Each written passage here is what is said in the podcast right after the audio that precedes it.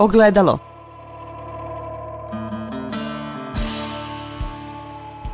Podcast Autonomije.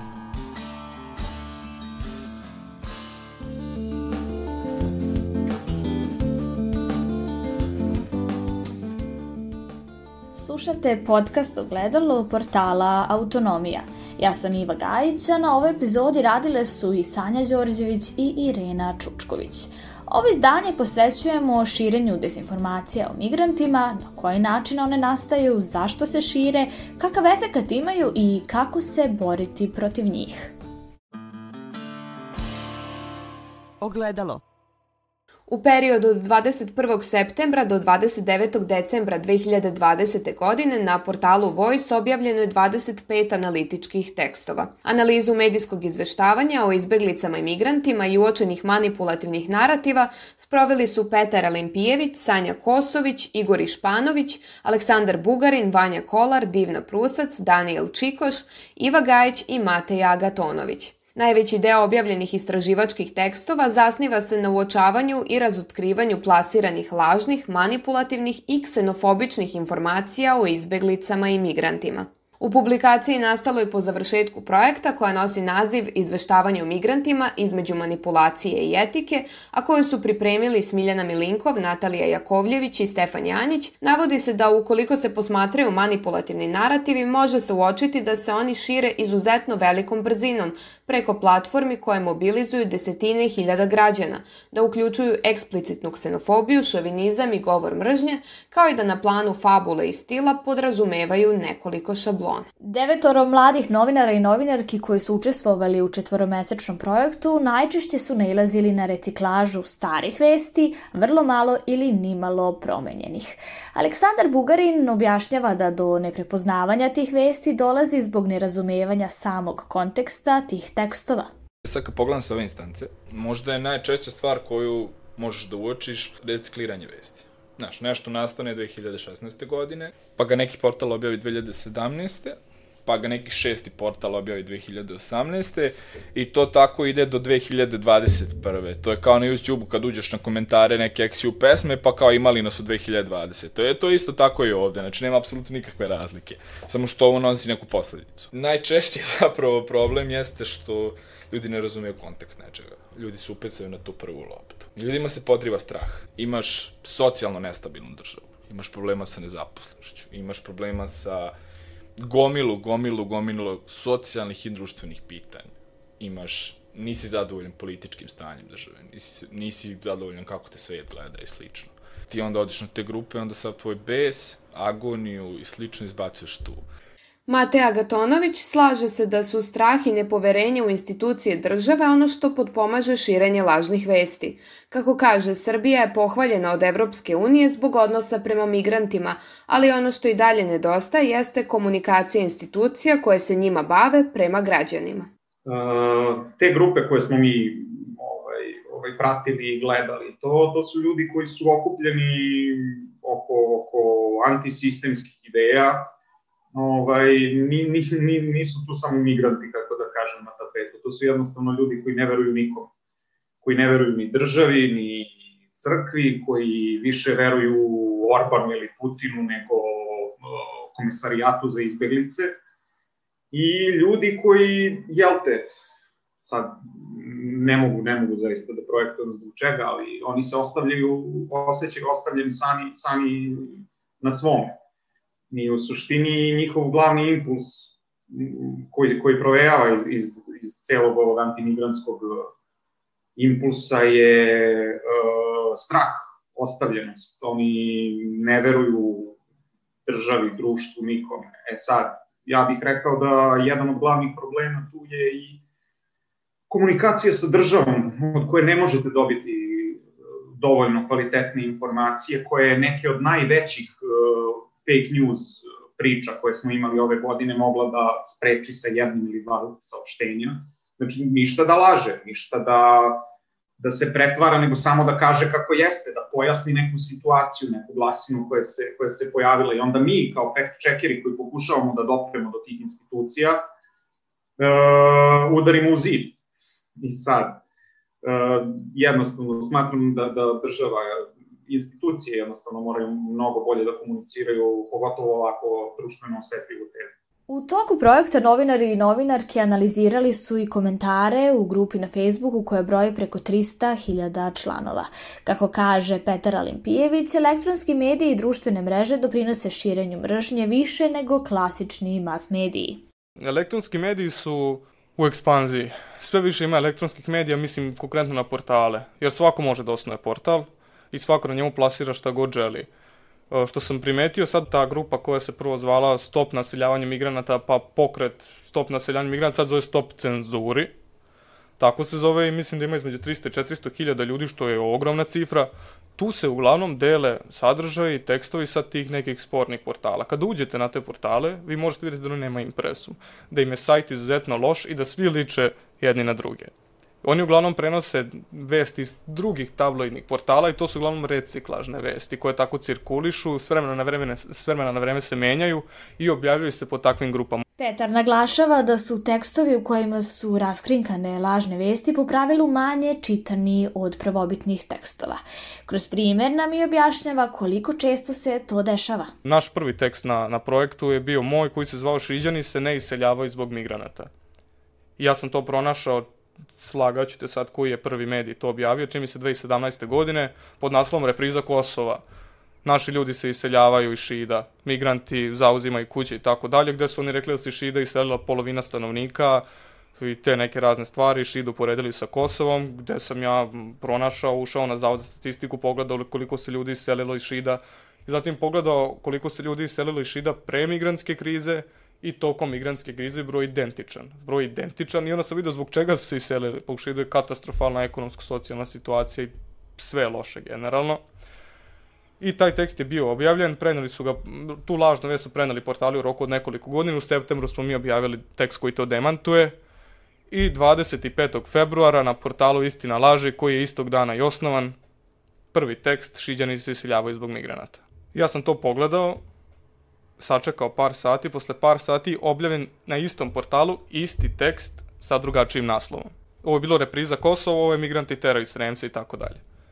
Tako da očigledno je da uh, fact checking nema publiku i istina laže nije pogledao, ušao na voice i pogledao, e pa ovo nije tačno. Tako da njima i nije cilj da informacija bude tačna, već da izazove mržnju. To je poenta. Mateja Gatonović naglašava da u konačnici posao fact-checkera i nije da se takmiče po tiražu ili pregledima sa portalima koji šire lažne vesti, već da izveštavaju po etičkim pravilima novinarstva. Nije, nije naš posao da, da, ne znam, jurimo, jurimo čitanost i da, ne znam, argumentom cipara toga koliko je ljudi zapravo videlo ovaj, se takmičimo s njima. Mi nemamo ni te resurse, ni, ni ljudsko, ni ljudske ni materijalne. E, naš posao je da, ono što je posao novinara, da, da izveštavamo na istinit i, i etičan način. I, e, nema veze koliko to ljudi vidi, ako vidi dovoljan broj ljudi, e, jednostavno menja se, menja se način razmišljanja kada vi vidite da vas je pet puta neko lagao, da vas je deset puta neko lagao. Nije, nije bitno da li, da li su tema samo migranti ali medijska pismenost se gradi i na taj način.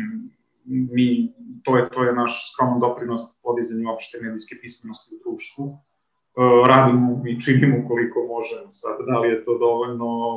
Ne, ne verujem da, da nas desetak, 15, 20, 30, koliko se time bavi u Srbiji, može da se meri sa nekim redakcijama ovaj, beogradskim, ali nije, nije to jednostavno naš posao mi ćemo da izveštavamo i da se to da izveštavamo tako kako jeste, a ne da bi prikupili klikove. Iako često posumnjamo da je nešto lažna vest, to nije lako i dokazati. Petar kaže i da se često dešava da je lažna vest samo u naslovu, koji nadalje nije nimalo povezan sa samim tekstom. Pre svega moram da kažem da su se ti tabloidni portali, kako smo ih mi krstili u ovom projektu, veoma izveštili da jednostavno nije lako naći lažnu vest. U stvari to mi vidimo da je to lažna vest, ali nije lako da raskrinkamo kako je to lažna vest, da damo adekvatne dokaze koji će poklopiti tu njihovu priču. Jer oni se sad pozivaju na neke izvore čudne, sumnjive na građane, mi to ne možemo da proverimo u tom trenutku. I važno je reći da u velikom broju slučajeva zapravo je lažna vest u samom naslovu. Naslov izuzetno ekskluzivan, manipulativan, bodiše nekakvim emocijama koji utiču na čoveka i naslov u velikom broju slučajeva nije u skladu sa tekstom. Što se tiče teksta, tekst uglavnom na tim sumnjivim portalima nije autorski, već je preuzet iz nekog drugog portala, iz nekog drugog medija, sa nekim komentarima koje su preferencija autora tog, koji, novinara tog portala i samim tim tekst dobija tu neku čudnu oblinu i samim tim zataškanost takvu da se ne može lako proveriti. A Mateja Gatonović objašnjava na koji način građani mogu prepoznati i proveriti da li je vest koju su pročitali lažna. E, da li postoje odrednice koje pokušavaju da izazovu emociju kod vas? E, u smislu prideva i epiteta koji imaju izrazito pozitivnu ili izrazito negativnu konotaciju. Pogledajte da li postoje vremenska odrednica unutar same vesti danas i uče ove nedelje prošlog meseca, da li su to priče koje lebde u vazduhu, Da li se koriste reči koje opet upućuju da, da promenite mišljenje, kao što su podsećamo, naravno, kao što je poznato i slično. Mm, sa tim nekim najosnovnijim pravilima, mislim, primeći, ćete jednostavno uh, ono što fali vesti. Da li fali ovaj, konkretno, da li pokušava da vas navede na neki zaključak autor nezavisno od činjenica unutar samog teksta. I na kraju krajeva da li, da li to što su oni napisali može da se proveri, jer u sve te odrednice vi zapravo možete da odete na Google ili na društvenu mrežu ili u strani medija, ako prenose strani mediji, da proverite da li su oni to baš tako rekli, da li se to baš sada desilo, da li se ovaj, brojeve, cifre, imena poklapaju. I kada krenete jednom tako da proveravate svaku činjenicu, primetit ćete u dobrim tekstovima, njih je uvek lako proveriti, a što je, što je tekst ovaj, nabijeni negativnim emocijama, obično ga je teže proveriti i samim tim treba da budete na oprezu. Širenje dezinformacije stvara strah, a koji potom prouzrukuje mržnju. Tako se stvara začarani krug, navodi Sanja Kosović, koja je poverenica za dezinformaciju o migrantima iz Subotice. Kako utiču sad te lažne vesti? Utiču pre svega na to da ukoliko se o nekome, eh, o nekoj grupi, nebitno sad koja to grupa bila, ako se konstantno o njima piše uh, na način kao da su oni negativci, kao da su oni zločinci i slično. U, u narodu će se stvoriti strah od tih ljudi i iz straha uvek dolazimo kasnije i do neke mržnje onda dolazimo do toga da ja sam se upoznala sad sa, u prihvatnom centru u Subotici, upoznala sam se sa nekim, sa nekim migrantima i pili smo kafu, raspričali smo se ovako i onda je on meni rekao, slučajnost, ali on je isto novinar. Tako da imali smo i neke zajedničke teme, ali onda on meni ispričao kako mu se mnogo, mnogo puta dešavalo da on ne može da uđe u neki restoran, da on ne može da uđe u kafić, zato što mu zabranjuju. I to se dešavalo, čovek hoće da ode do grada, hoće da popije kafu i sve i ne dozvoljavaju mu jednostavno. Dozvoljavaju mu ako je sa nekim ko je, jel te, beo. I onda zato nije imao problem recimo kada je sa mnom išao, ali mu se dešavalo ako sam ide sa nekim drugim, sa nekim svojim prijateljem iz kampa, onda da mu ne dozvoljavaju. I onda nema, on nije imao čak ni to, nema kome da se požali. Tako da to je jedan od tih utica, jer sad ti restorani idu iz te perspektive, a mi ne želimo kao da haljamo ugled našeg restorana. Nezadovoljstvo građana koji šire ksenofobiju ogleda se u nezadovoljstvu prema sistemu, a ispoljava se prema migrantima, objašnjava poverenik za dezinformacije iz Subotice Igor Išpanović. Ja sam to objasnio sebi na ovaj način, pošto tokom ovog projekta smo mi od oktobra do decembra, to jest od kraja septembra do decembra, smo radili analize komentara ovaj, u toj jednoj grupi. I prvo, mislim, jako je teško prolaziti kroz te komentare, jer ta količina besa utiče prvo na nas koji to radimo. A druga stvar jeste što sam primetio da su ti ljudi osujećeni, da se osjećaju iznevereno i da su razočarani u nešto prevashodno u sistem, jel da? Ali pošto oni ne mogu da usmere taj svoj bes i to, ta svoja osjećanja prema tom sistemu koji ih je izneverio, znači tu ne pričam samo vladajućoj partiji, tu pričamo o službama kao što su policija, kao što su socijalne službe, jer svi oni smatraju da migranti dobijaju više nego što dobijaju oni sami. I da, aha, ako I onda ide sledeća logika, jel da? Ako neko smatra, aha, postoje resursi, ali se ti resursi ne preusmeravaju na nas koji smo kao autohtoni, po znacima navoda, nego se preusmeravaju na strance koji su ovde samo u prolazu, ovaj, a moja životna situacija ovoliko loša kako jeste, iz toga sledi da je logičan, da je razumljiv taj bes koji se osjeća. Međutim, dolazi se da do toga da, pošto ne može da se preusmeri ka onima koji su odgovorni za to, onda se pronalazi taj žrtveni jarac u vidu migranata i onda, mislim, dolazi se do te situacije gde neko upada u ovaj, taj prihvatni centar, ali, ovaj, mislim, to je jedna eskalacija kakva je, eufemizam je reći neprimerena. Kao jednu od posledica Aleksandar naglašava i postojanje narodnih patrola. Ipak, on smatra da je država kriva jer je do toga i došlo. Pa mi posledice svakodnevno vidimo. Jednostavno, od kad je narodna patrola počela da, da radi, što je sa početkom migrantske krize, ja tu vidim problem. Zašto? Ja ovaj, apsolutno mislim kao moment u kom građani uzimaju nešto da rade umesto države, je moment u kom je država zakazala. U kom država ne može da obezbedi sigurnost građana ili kako god to da kaže. Kada ljudi izađu na ulice da bi branili ovaj po znacima navodnika svoje žene, sestre, braću, decu, sve žive od jel te, ove, migranata koji su došli da ih siluju, je to već problem. Zato što nama ni policijski izveštaj nama ni jedna informacija nije došla od ove države. Mi ne znamo da ti ljudi napadaju bilo koga. Nego je to neko kome jednostavno odgovara, neko iz Narodne patrole, mislim, ljudi koji su na višim pozicijama, tu je Leviatan, tu su generalno desničarske organizacije, rekao da su ti ljudi sad došli hajmo i onda šta? Jednostavno ljudi koji su ovaj, opet pod tim strahom, ljudi koji opet imaju neke svoje lične probleme, pa im treba neki izdobri ventil, pa to budu drugi ljudi, u ovom slučaju migranti, to je opasnost fake newsa, jer ovaj, ti fake newsovi se stekuju, gomilaju, gomilaju, gomilaju, dok neko ne poludi. Dok neko jednostavno tu, svoj, tu svo, sav svoj bes, agoniju, sve ono što osjeća, misli i slično, preusmeri, preusmeri u akciju. S obzirom na količinu mržnje usmerene ka migrantima koje se svakodnevno može videti na društvenim mrežama, nije neuobičajeno ni čudno da i novinari koji se bave ovakvim temama osete mržnju i na svojoj koži. Petar naglašava da širenje lažnih vesti predstavlja svojevrsni mehanizam širenja mržnje. Loše je sad što ljudi misle da mi koji se bavimo lažnim vestima o migrantima smo mi sad zapravo protiv Srba i na strani migranata. To apsolutno nije tačno, ali migranti jesu tu i migranti na neki način mogu reći da su, da su problem jer su oni problematičnoj situaciji. Lažne vesti o migrantima nisu rešenje problema, nego su još jedan problem mnogo veći. Širi se mržnja, jer Srbi, pogotovo u tim opštinama kao što je Šid, Subotica i tako dalje, na tim graničnim područjima, žive sa migrantima 5-6 godina već. I ne mogu reći da su oni sad, da kažem, navikli.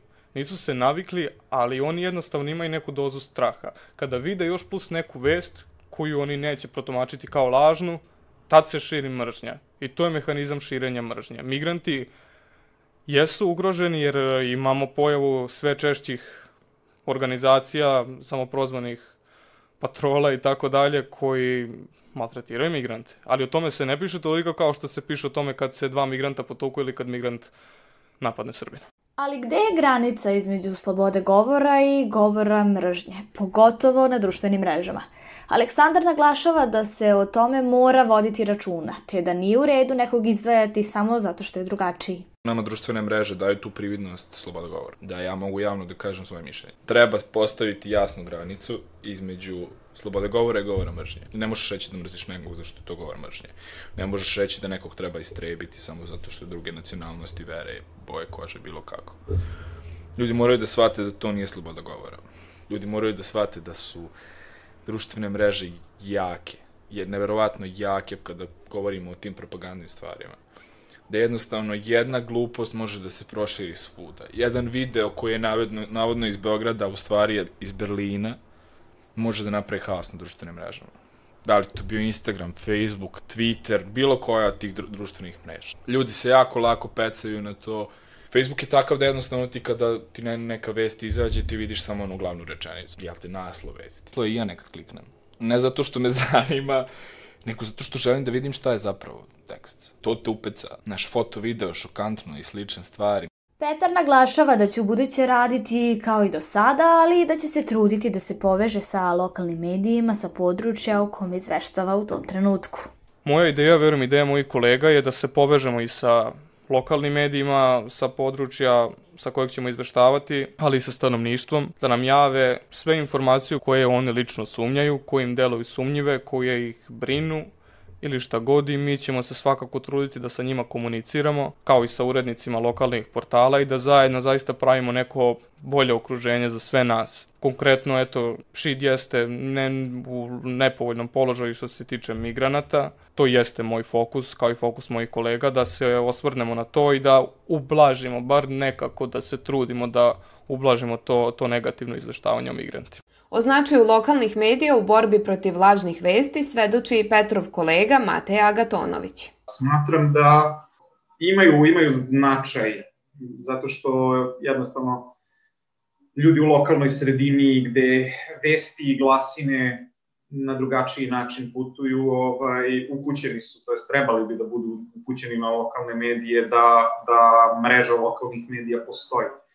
Ovako oni se oslanjaju na Facebook grupe, Viber grupe i slično, gde se lažne vesti ovaj, jako brzo šire i gde ih niko zapravo ne proverava. Tako da smatram da eto, to, to, to bi bila dobra, dobra zamena za, za to plodno tlo lažnih vesti, da zapravo postoje odgovorni profesionalni lokalni mediji koji bi se između ostalog bi bavili tim fact-checkingom, znači proveravali glasine koje se pojave u zajednici. Aleksandar dodaje da građani mogu uvek obavestiti redakciju Nezavisnog društva novinara Vojvodine o stvarima koje ih brinu ili vestima koje im se čine sumnjivi. Građani, ukoliko primete nešto da se dešava, ukoliko primete da kruži neka lažna vest, ukoliko primete da se nešto na kraju krajeva u njihovom kušiluku dešava, uh, ti građani mogu na mail adresu koja stoji na, na sajtu Nezavisnog društva novinara Vojvodine, jednim klikom ovaj, i uz neku kratku prijavicu ili uz mail adresu, da prilože to što ih, što ih muči, da kažu jel te, koji je to problem i slično, uh, mogu da pošalju link neke vesti ako je u pitanju nešto što treba da debankujemo. I onda ćemo mi da, jel te, da, da pregledamo to, da vidimo da li tu ima materijala, što kažu novi, stari novinari, ima mesa, da debankujemo, da proučimo malo problem, da vidimo šta se dešava i da, i da obavestimo naše građane, jel te, da li je u pitanju problem ili ne. Tako da mislim da nam je to neki plan za sada.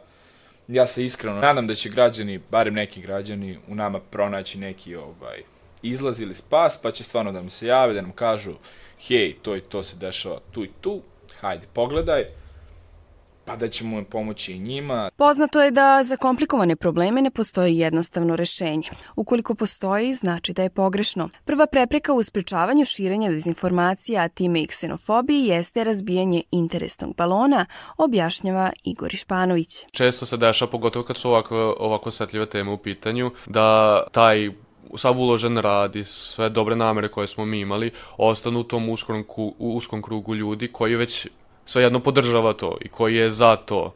I onda je pitanje zapravo kako izaći iz tog balona u kom već mi kao egzistiramo i u kom mi radimo. Često imamo u glavi e, doživljaj kao, aha, kad neko naleti na neku vest koju smo, to jest neki debunking koji smo uradili, kao kako reaguju oni koji su za to, mislim kao koji misle da, aha, kao da to je fake news, kao ne bi to trebalo tako, i oni koji su, e, ne znam, koji su bili ti koji su širili ta, e, te dezinformacije. I onda često imam kao da oni koji su već za to samo kao klimnu glavom, kao to je to, ok, a oni koji su protiv toga reaguju još defanzivnije, još e, reaktivniji budu. I onda kao šta smo mi zapravo postigli, postigli pa veoma malo jer smo napravili taj razdor, samo još veći. I onda ja mislim da tu, tu bi trebalo sad jel da kao trebalo bi prvo ići kao onima koji su kao neutralni, koji se ne bave toliko ovim pitanjem. Migranti su im tu negde ovaj, pozadi, kao ne razmišljaju o tome u svakodnevnom životu. Taj bes koji ovaj, postoji u njima, taj bes jeste opravdan, samo je on pogrešno usmeren. Dakle, te stvari koje oni ovaj iznose o tome da policija selektivno radi svoj posao. To je tačno, ali oni opet to primenjuju na kontekst migranata, jel da i migrantske krize. E, to što je vlast, na primjer, iznevrila sva njihova očekivanja, to je opet tačno, ali oni to primenjuju na kontekst migrantske krize. To je netačno.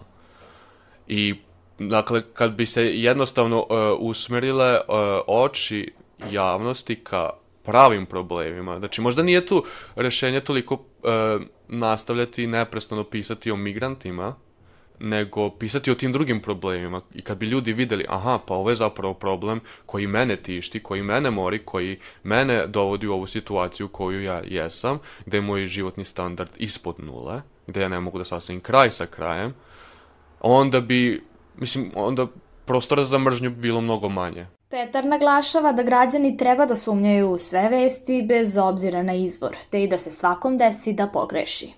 U sve vesti treba da sumnjaju, nijedan izvor nije 100% siguran i neki portali koji mi smatram portali, mediji, televizije, štampa, šta god, koji god oblik medija, koliko god da mu mi verujemo i oni pogreše i svi mi grešimo. Problem je što mi kao mladi ljudi nemamo predmete u školama koji se zovu medijska pismenost, a sve više smo izloženi medijima. Moj savet, neki kratki bi bio da uvek ne pročitaju samo naslov, nego da uđu u tekst, pročitaju tekst, zamisle se šta taj tekst u njima pokušava da izazove. Da li im to deluje kao nešto se zaista moglo desiti. Da uđu na portal sa kog su pročitali nešto, da pogledaju ko je urednik, da pogledaju ko su novinari, da li se neko potpisao na taj tekst, i da tu informaciju koju su oni izvukli iz teksta ukucaju na lepo na Google, svi imaju Google i vide da li se još nešto pisalo o tome. To je najjednostavniji, najkraći način. Mi smo tu kao fact checkeri da malo poboljšamo celu tu atmosferu i tako dalje, ali opet kako nas to uvek i uče na početku tih fact, fact checking treninga, nikad raskrinkavanje lažne vesti, odnosno tekst o lažne vesti neće biti čitan kao što je lažna vesti. To jeste problem. Kao jedno od rešenja, Aleksandar predlaže bolje organizovanje obrazovnog sistema od samog početka školovanja. Kako kaže, ako bi se o nekim problemima u društvu učilo od malih nogu, kasnije bi se lakše i došlo do rešenja. Nekako kad god pričamo o bilo kom problemu u našem društvu, socijalnom, društvenom, bilo čemu, pričamo o obrazovanju.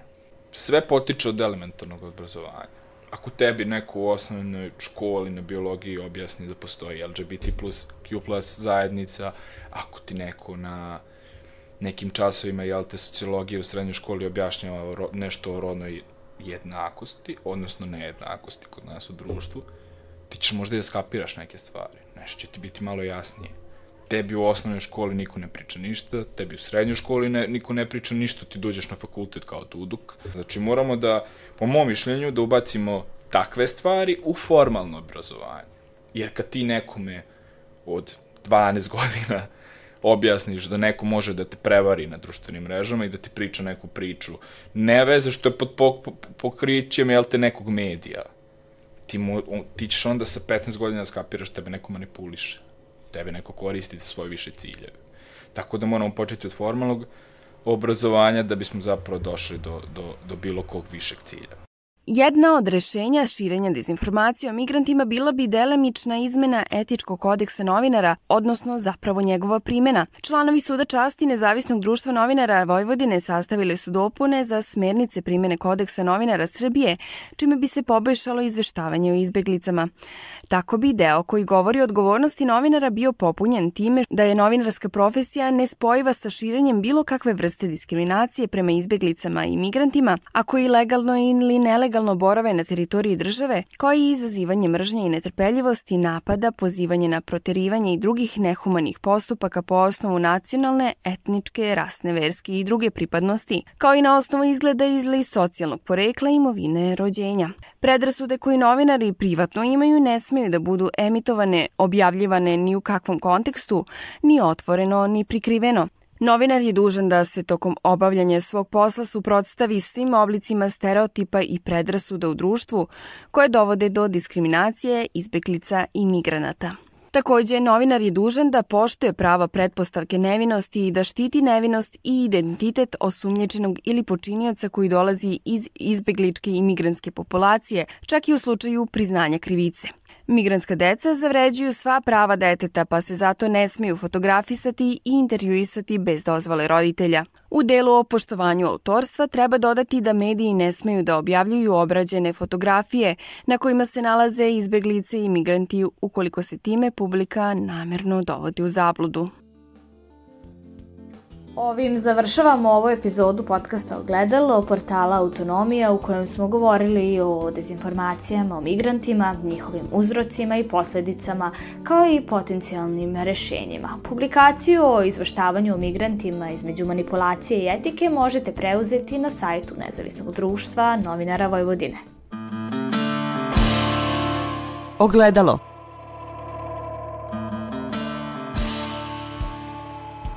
podcast Autonomije.